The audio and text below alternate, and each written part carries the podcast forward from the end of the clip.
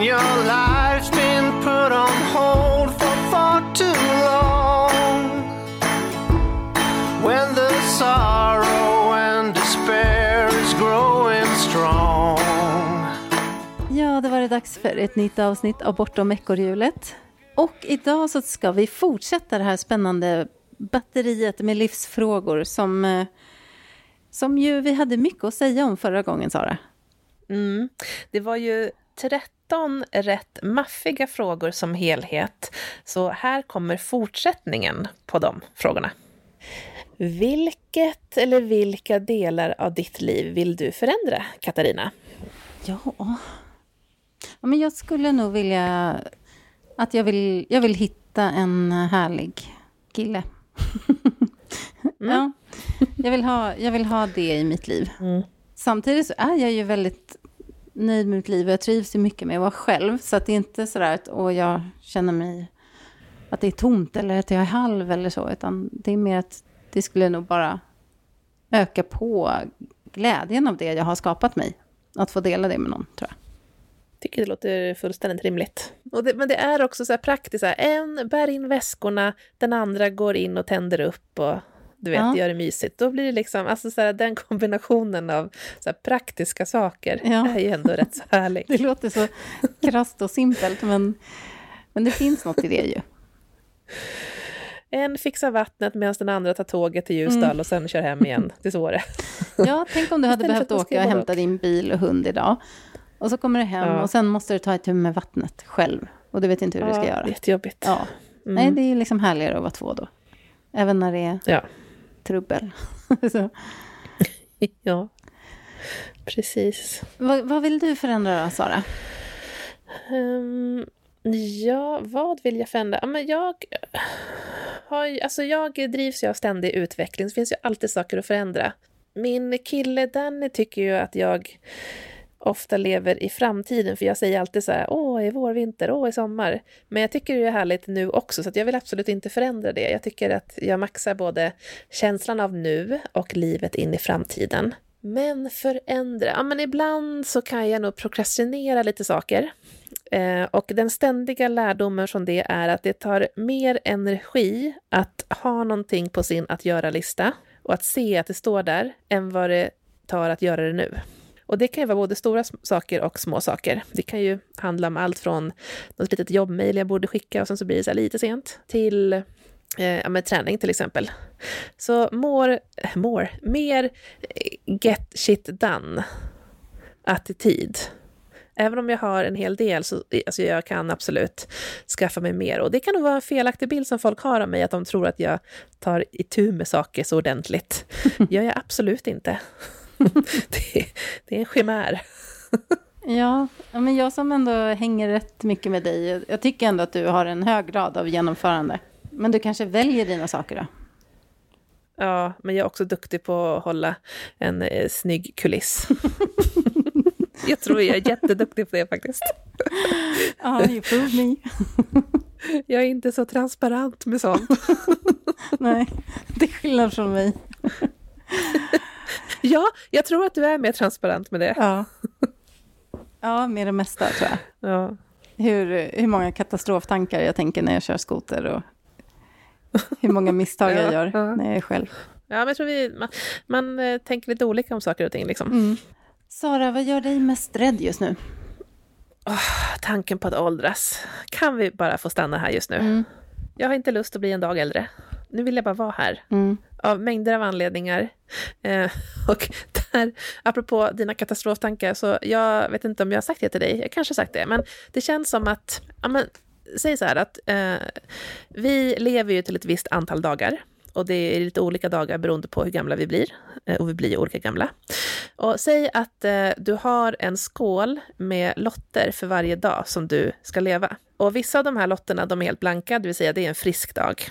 Och sen så vissa av de här lotterna, då står det cancer på, det står hjärtinfarkt, det står alla möjliga olika grejer. Olycka. Och de blanka lotterna, de är ju långt många fler än vad cancerlapparna är. Men varje dag drar du en lott från den här skålen. Usch, nu fick jag en ny katastroftanke. Ja.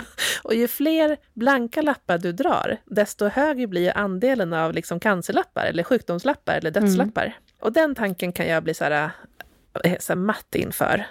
För det här är ju saker som ja, vi kanske kan påverka till viss del, men inte fullt ut. Absolut inte fullt ut. Så att det, det är ju lite grann av ett lotteri varenda dag vi vaknar upp. Så att därför så ska vi absolut vara tacksam för de dagar som vi vaknar upp och drar en blank lapp.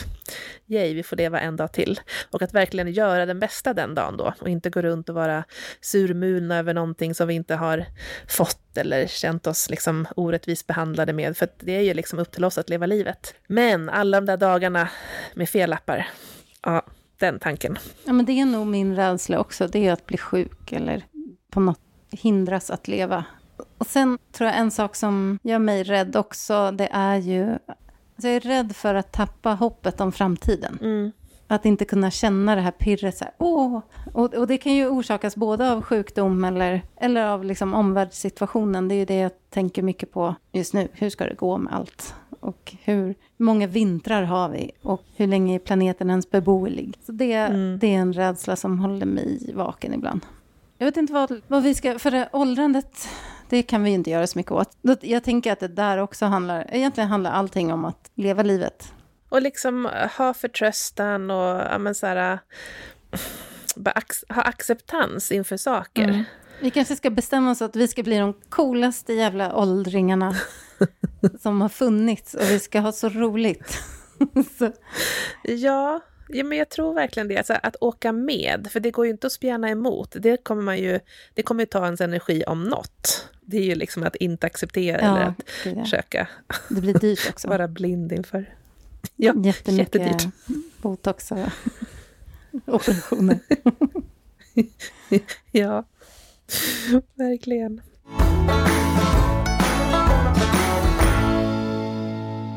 Katta, nu ska jag eh, ställa en annan typ av fråga Mm. med lite annan energi i.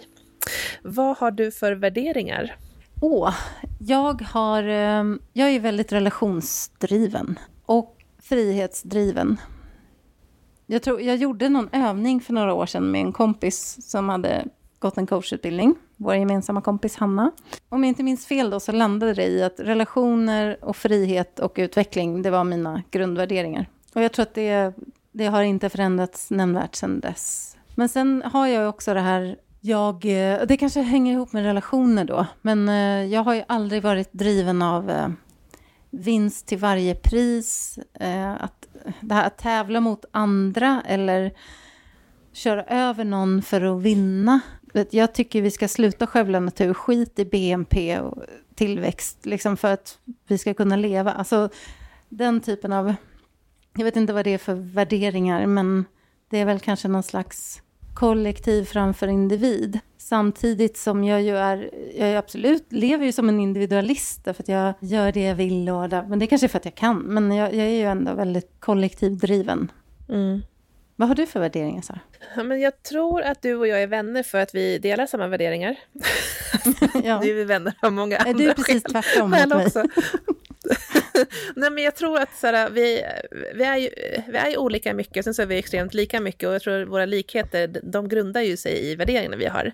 Men en värdering som jag har eh, liksom formulerat i ord det senaste, det är den här rebelliska eh, het, alltså rebellen. Och den eh, kan jag ju se har liksom funnits med jättelänge. Eh, från när jag gick i gymnasiet och alla skulle åka och plugga i England eller USA och jag tänkte så här, nej jag ska åka till Irland.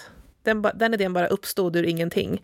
Och det här var alltså på ja, men 2000, ingen annan åkte till Irland, liksom. det var ett outforskat land. Så det är så många sådana grejer. Till att jag, ehm, efter att jag hade pluggat och blivit nationalekonom och börjat jobba inom finansbranschen, då tänkte jag så här att nej, nu ska jag åka och bli skidlärare istället. Att liksom göra lite tvärtom. Så det finns en inneboende drivkraft i mig att jag gärna vill göra lite tvärtom. Hela tiden. I det stora och i det lilla. Och den är ganska tydlig när, när, när jag tänker efter och ser tillbaka på grejer som jag gjort Mm. bakåt. Och den är ganska rolig. Den är ju totalt oförutsägbar, förutom att, att jag vet att den finns där. Men eh, den är underhållande ändå för mig själv. Så att, eh, den ska jag omfamna lite mer, tänker jag. Och eh, ibland så kan jag ju se också så här hur det, alltså det hade ju kunnat gå lite fel, för jag kommer ihåg när jag träningsbloggade och sen så kritiserade jag Fitness Magazine för att de hade en modell på omslaget som också bloggade och som skrev hur mycket, alltså hon skrev då inför den här plåtningen hur hon inte hade ätit och för att hon skulle liksom se fitt ut på omslaget och det kritiserar jag öppet. Nu går jag liksom in och kritiserar skoterbranschen ganska mycket också utifrån deras val. Och när vi var i Hemavan så la jag upp en kritisk post om liksom en, en, en skoteraffär där till exempel. Så det finns ju något i mig som gör att jag inte kan hålla tillbaka det här. Jag måste göra det. Mm. Men eh, det, jag, jag räds ju inte det, så då är det ju inte mod för mig. Då är det bara något jag bara måste göra, för jag kan inte vara tyst. Liksom. Det finns liksom bara inom mig det här, det här måstet, att så här, men det här måste jag säga. Sen vet jag inte var det kommer ifrån.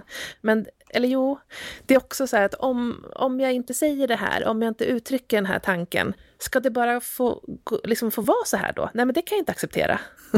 Nej, men det, och det är en bra egenskap. Så det är ju fler som behöver, eller vi skulle behöva bli fler som eh, ja, stand-up. men, och då kan man ju tänka så här, Sara, varför, liksom, varför pro protesterar inte du öppet då mot du vet, eh, världskrig, eh, orättvisa, bla bla bla. Men det är ju inte där, alltså jag tror att liksom engagemanget hos olika personer ligger alltid i olika saker. Mm. Och jag har väl något annat typ av engagemang då. Men jag hade jättegärna velat jobba på Riksbanken. Sign me up. Ja, det har du sagt förut, så jag tycker att det är dags att de hör av sig nu. Verkligen. Jag skulle säga att en, en värdering hos dig också är, alltså förutom, jag vet att du också har frihet och utveckling, men effektivitet. Ja, ja. Bli skogstokig på ineffektivitet. Och vad är effektivitet då? För att det är ju inte kategoriskt alltid, utan i, eh, men det kan ju vara slöseri. Det är den typen av, när liksom effektivitet står i paritet mot slöseri, då blir jag irriterad. Både när det gäller pengar eller tid, kanske mest tid faktiskt.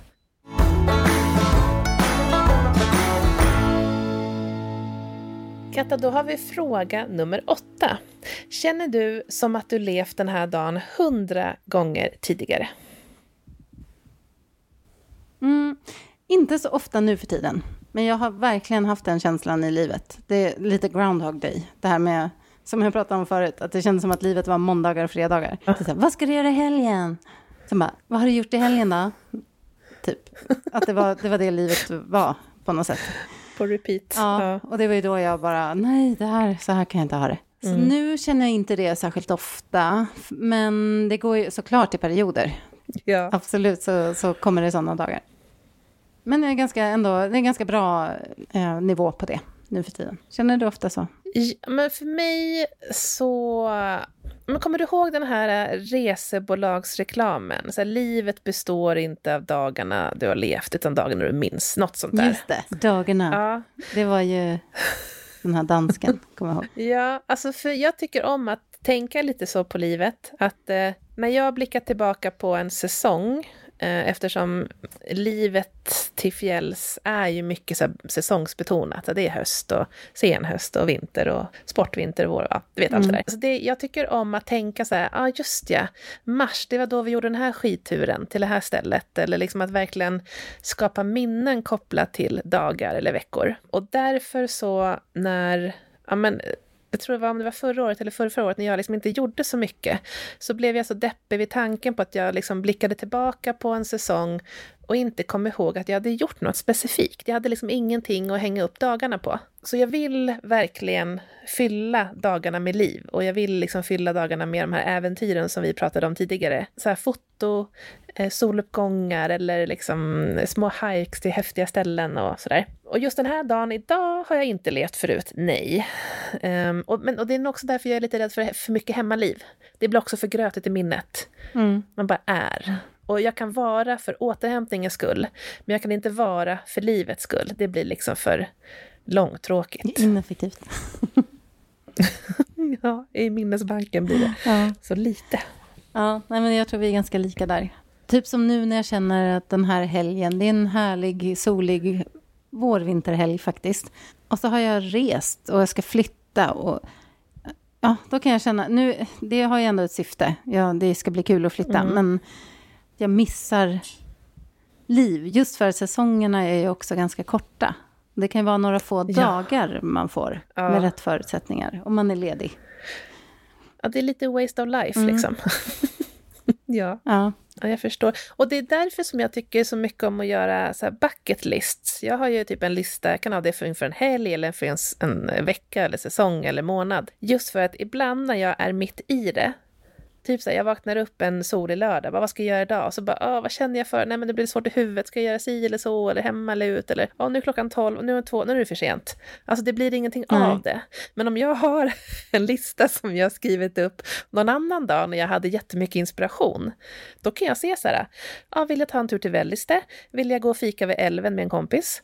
Ja, jag vill göra det här. Men då blir det mycket lättare. Ja. Jag behöver den hjälpen i mitt huvud. Jag, kan inte, jag klarar inte av att leva spontant. Då måste vi tipsa om det blogginlägget du la ut för några dagar sedan. Eller någon vecka sedan. Ja. Mm. Det tyckte jag var väldigt Precis. härligt. Ja, i det blogginlägget så, så ja, men jag listade alla månader på året som var kvar. Det var mars, april, maj etc. fram till årets slut. Och sen så skrev jag upp typ tre saker varje månad som jag ville göra. Och det kunde vara allt från att så här, ta årets första stigcykeltur till att eh, ta en kaffe utomhus och lyssna på takdroppet. Alltså det är mm. stort och smått liksom. Jättebra. Eh, jag blev väldigt inspirerad av den. Då får man också in de här mindre mysiga grejerna som man kanske inte tänker på. Men, ja, men just det här, ta en kaffe utomhus. Det är inget spektakulärt ja. äventyr, men det är en känsla som är härlig. Verkligen. Och både du och jag har ju haft den här drömmen om så här kaffe på farstukvisten, mm. eller farstubron. Och det finns så mycket i de här små drömmarna, eller små eh, stunderna, ögonblicken, som på ett sätt inte är något, men på ett annat sätt verkligen är allt. Liksom. Ja.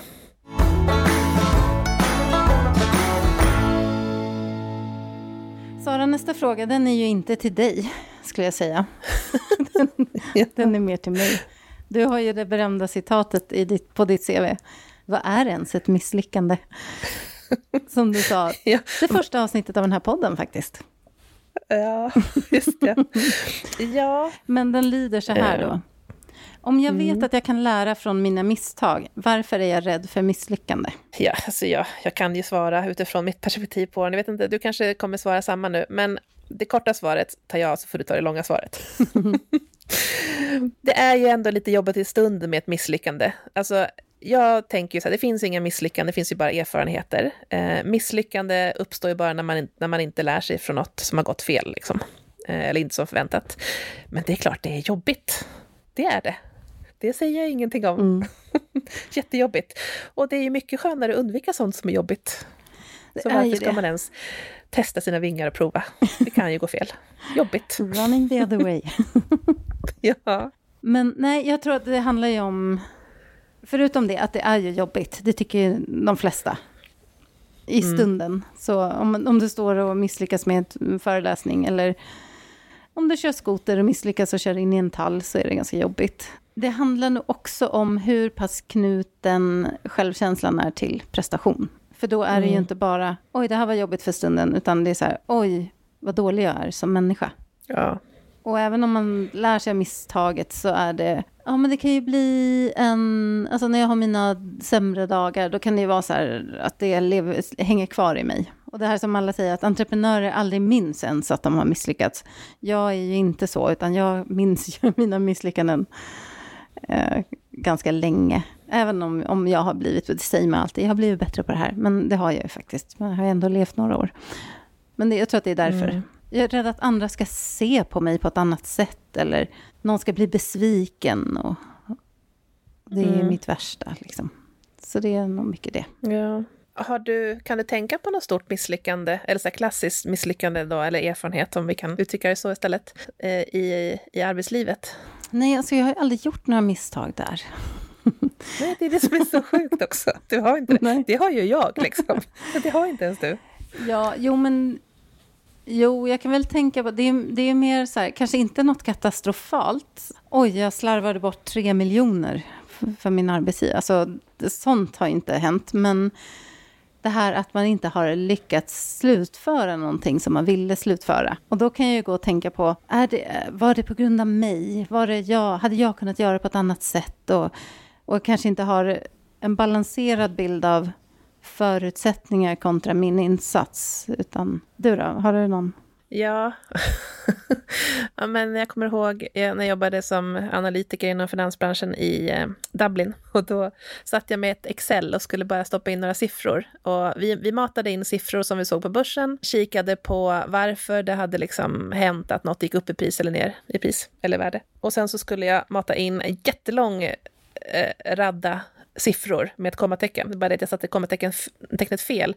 Eller om det var som så att som kolumnen inte var liksom riktigt rätt, så jag såg inte alla siffrorna. Och det här är alltså siffror som skickas vidare till nästa steg i leden. Så att eh, jag eh, skrev in siffrorna i Excel, sparade, det här matas vidare och sen så ringer de från så här Goldman Sachs eller något. Eh, för då har ju det gått upp på deras listor att någonting har hänt här. Det, alltså, det har blivit en jättestor, jag tror det var tapp i ett värde på mm någonting. och det här drabbar ju jättemycket människor runt om i världen. Det stor grej. Eh, och det är ett misslyckande så att inte vara så noggrann för det här liksom fick ju en stor konsekvens, även om den var ganska kortvarig. Jag tror att det gick ut en flash eh, från Sveriges Radio för inte så jättelänge sedan. Det var nog under 2023 i alla fall. Jag trodde du menade då. Senare delen av 2022. Vad sa du? Jag trodde du menade då, om ditt ja, misslyckande. Nej, men det gick ut en flash eh, för inte så länge sedan om att det hade hänt ungefär en liknande sak och då blev det alltså ett nyhetsmeddelande. Eh, men jag skapade det här för 20 år sedan eh, och det hade jag ju kunnat liksom bära med mig som ett R men grejen var att jag hade nog en jättebra chef, för han, han var inte arg, utan det blev liksom ett samtal så här, Sara, det här har hänt, eh, jag tog det här nu, men eh, håll, håll liksom koll sen bara. Det är liksom ingenting som drabbade min, eh, min liksom tro på mig själv, utan det var så här, oj då, kolla det gick fel, ja, tokigt. Nu, nu, nu, kör vi på igen. Liksom. Och sådana där grejer kan jag nog se några stycken, även om det där har nog varit det som har synts mest utåt. Liksom. Mm.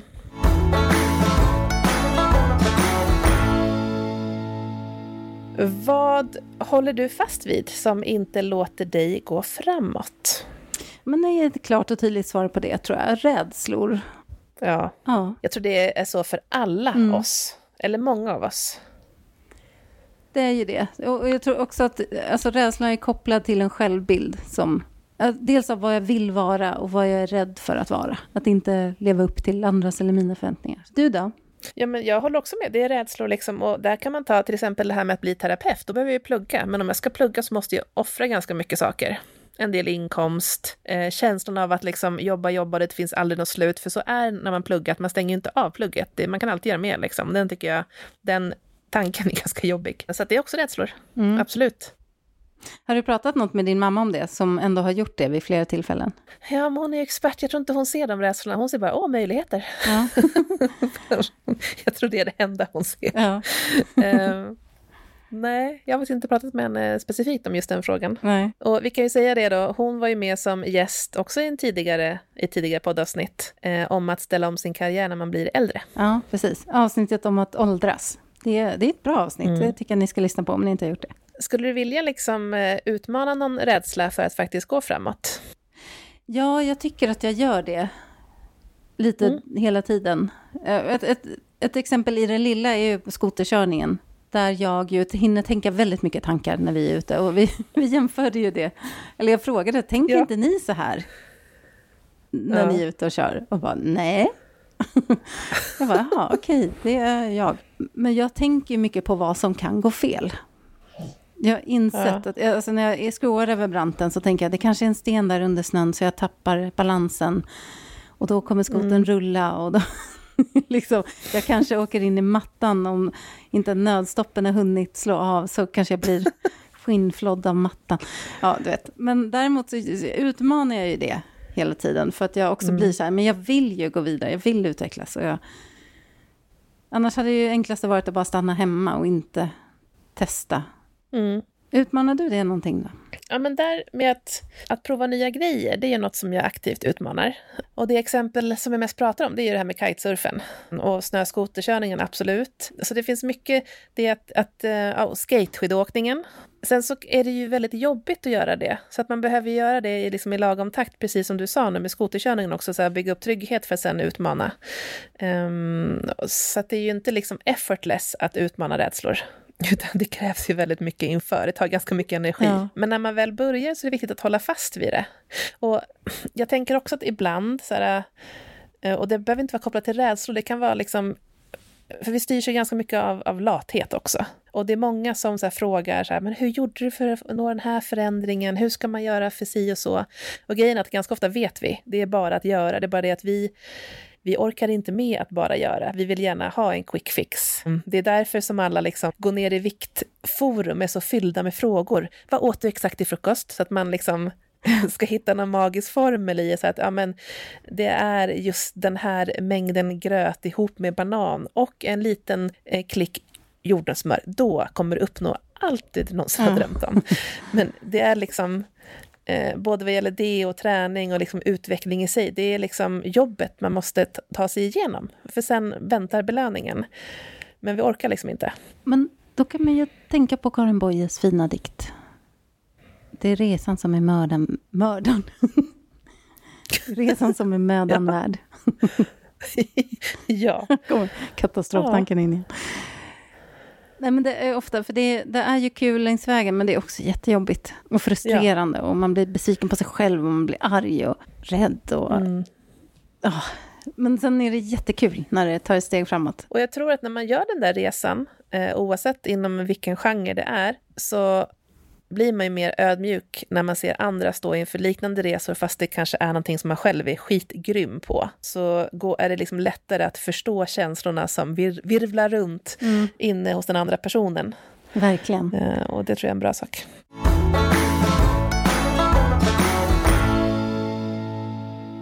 Vad skulle du kunna offra för att vara sann mot dig själv?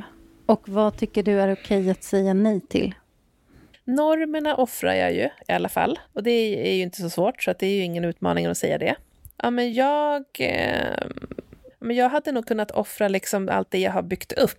Och jag tror att vi, liksom, vi investerar ju, eller vi är många i alla fall som investerar så här, tid eh, och effort i våra så här, eh, karriärer, identiteter som goda medarbetare på företag och sådär. Men jag hade nog, och det vet jag om, så det är inte heller någon så här jätteutmanande svar, men jag kan ju säga upp mig ganska lättvindigt. Jag behöver inte gå och fundera på det så länge. Mm. Um, så för att offra. vara sann mot mig själv. Vänskap? Ja, faktiskt också det. Mm. Relation? Ja, jag, nog, jag, alltså den, jag är ganska krass, så jag kan nog offra ganska mycket. Det gör mig också till en ganska ohärlig person, tror jag. Att jag kan eh, liksom vända om och så ja men det här var jättekul, men nu är det ett avslutat kapitel. Ja. Jag är inte så, jag håller inte fast vid det. Och jag släpper nog det ibland absolut lite för lättvindigt, ja. Kan du offra fasaden? Nej. För det är ju ändå min sannaste min sannaste, uh, vad ska man säga, alltså min främsta vän i mig själv liksom. Att du liksom byter jag? eller vad man ska säga. Ja, och, och det skulle, men då kanske det skulle krävas någon form av så depression eller psykisk ohälsa. För att jag tänker, då går det ju inte att ha fasad, för då blir det som två olika. Så att det är om den här fasaden då skulle bli osann mot mig själv, men skulle jag kunna offra den? Det vet jag ju inte. Ja, eftersom jag inte ställs inför det. Hoppas jag inte behöver göra det heller, det verkar jättejobbigt. Jag är lite för, så det vill jag inte, för jag är för lat ja. just nu. för att vilja det. Vilja utmanas. Jag bara, ja.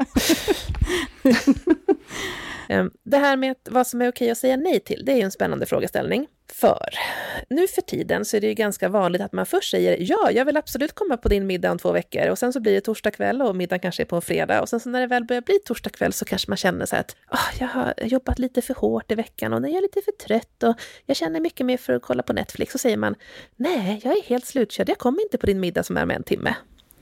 Är det okej? Okay?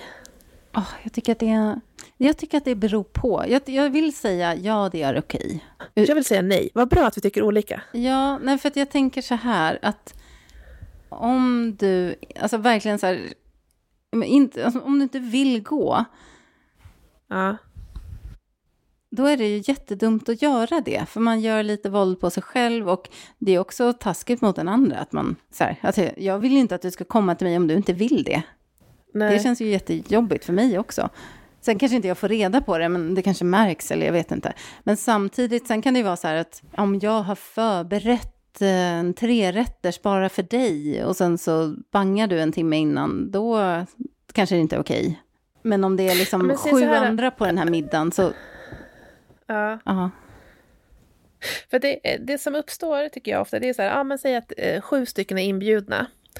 Och då kan man ju som enskild individ tänka så här, ja men det är ändå sju, eller det är ändå sex andra som kommer, som jag inte kommer så är okej. Okay. Men grejen är att det blir ju lätt hänt att tre tänker så, och då är helt plötsligt mm. fyra pers med på middagen. Mm. Och så tänker jag så här, det här, en middag, man har tackat ja, man vet att det är fredag klockan sju, och man vet med sig själv så här, ja, jag brukar, eller så här, jag blir trött av att uh, spela tre timmar paddel eller att uh, jobba till klockan tolv ja, men jag vet ju att middagen är. Mm. Då anpassar jag väl mitt beteende så att jag liksom räknar med att orka med middagen. Så tänker jag. Och jag känner någonstans att det är ganska respektlöst att inte gå. Och våld på sig själv hit och dit, ja, alltså jag köper det. Men det, jag tycker att det gått lite grann överstyr. Mm. För att det blir väldigt så individualistiskt. Varenda dag ska man känna efter, ja, vad, vad, vad mäktar jag med idag? Och det kan man göra ja. till viss gräns, men man måste också liksom, det jag, det jag har liksom sagt ja till, det måste jag ju genomföra, annars ska jag ju inte säga ja. Då ja. får jag liksom vara förutseende nog och se så här, ah, vänta nu, den här veckan innan, jag har fem presentationer, jag ditten och datten, nej men jag, jag kan nog inte gå. Men om du säger nej när du får frågan då? Då får man göra det. Precis, ja, för jag tror att det är det som, vi säger ja för att vara snälla och då blir det liksom lite tokigt. Om vi sen inte, det finns ju personer som säger ja, jättekul, jag är med, jag kommer och sen aldrig dyker mm. upp. Ja, och sen så har jag hört det här också i så många poddar nu. Det låter som jag lyssnar på jättemånga poddar. Men det här var nog faktiskt Det skaver. Eh, de har pratat om det här vissa gånger. Och jag kan bara tycka så här att men, vi får väl skärpa till oss lite grann, alltså egentligen. Ja. Jag, jag tycker till en viss grad, men är det så att du är liksom på randen till utmattning, så, men då ska du ju också tacka nej, det är ju det. Jag tycker att vi måste liksom faktiskt vara lite förutseende, ja. För att annars så går vi och tar inget ansvar för någonting. Mm.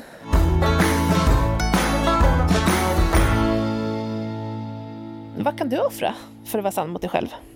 Ja, det beror lite på tidsaspekten. Berätta hur du tänker. Sen, du sa ju så här, ja, jag kan offra en vänskap. Mm. Och för mig så tar det ganska lång tid innan jag kommer dit. Eller mm. jag kan offra en relation. Det kanske tar tre år för mig att landa i, nej men nu, nu måste jag faktiskt göra det för att vara sann mot mig själv. Mm. Så jag är kanske mer, jag har längre sträcka dit, men eh, skulle det vara verkligen så, jag kan inte leva någon annans liv, men jag har kanske eh, en hög tröskel dit. I alla fall har jag haft det. Nu har jag ju levt själv i fem, sex år, så jag har inte behövt fundera på det så mycket. Nej, jag, jag har ju ändå gjort det vid tillfällen. Jag skulle nog, alltså i slutändan så kan man väl offra ganska mycket om det är tillräckligt, om man har en tillräckligt stark inre övertygelse att det här är vägen jag måste gå, så kan man offra ganska mycket, eller jag. Det, jag tyckte den här frågan var svår, för att det är en sak att sitta här och mm. säga det, sen så när man när det väl ställs på sin spets, då, då vet man ju inte riktigt. Väldigt svår. Men det är en bra fråga att ta med sig och ställa sig själv typ nästan en gång i veckan. Liksom. Vad har jag gjort den här veckan som har varit sant mot mig själv? Eller vad har jag gjort som inte har varit sant mm. mot, mot mig själv? Att liksom verkligen så börja reflektera över det. Näst sista frågan då, Sara. Ja, favorit. Vad är, eh, det här är en härlig fråga, så jag tänker att du kommer ha ett bra svar på. Vad är skillnaden mellan att leva och att vara levande? Ja, men då vill jag koppla tillbaka till de här att livet är dagarna du minns. Trots att det är en så klyschig sägning så är det ju det som är att vara levande. Att känna alla känslor. Eh, och det är det som gör att jag tycker att det lockar eh, med motstånd ibland, för att, att jag känner mig levande. Sen så tycker jag om att ha motståndet i, i en kort dos, och så vill jag ha belöning i en jättelång dos efteråt, mm. för att ha rätt, rätt ratio på känslor. Men eh, det är ju ganska tråkigt att bara leva utan att känna något. Det är liksom, när, för jag har ju levt så också, och att leva så och ha det ganska bra, och sen att leva och känna fler känslor på spektrat, så är ju det mycket mer kittlande och belönande och men, känslostormande på ett bra sätt. Den här känslan av levande kan ju vara så olika saker. Det kan ju vara som du säger det här med väder eller med eh, för, förundran när man är ute. Och, um, och, men det kan också vara att för första gången säga liksom stå upp för sig själv i ett samtal. Att man känner sig levande för att man faktiskt vågade säga ifrån. Alltså, mm. Det finns så mycket mm. i det där. Eller ja. att våga göra slut och ja. må piss, men ändå känna att det var rätt. Ja, ja jag, jag, håller med dig där, så att jag tror inte jag behöver ta ett eget svar. Mm. Då, då kör jag sista frågan då till dig. Mm. Fråga nummer 13. Vad är det första som du kan göra för att ändra det som är viktigt? Ja, det här är ju en bra för att knyta ihop säcken lite. Ja, det, det första som slår mig nu utifrån det vi har pratat om, det är ju att utmana rädslan. Kort och koncist och bra. Mm.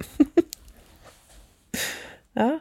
Och det kan jag ju göra i, i smått varje dag. Vad, vad är det första som du tänker på? Ja, men, eh, I en tidigare podd så har jag ju sagt att sensualitet är mitt ledord för året. Och ibland för att komma dit så måste jag bara göra. Alltså att inte liksom, inte så här, skriva eller vet, så fundera på vad som är bästa sättet att göra någonting på. Eller liksom gå och vänta på att jag ska ha bättre feeling, att jag ska komma i stämning. Utan bara, nej men gör det bara. Hur svårt ska det vara? Gör det liksom.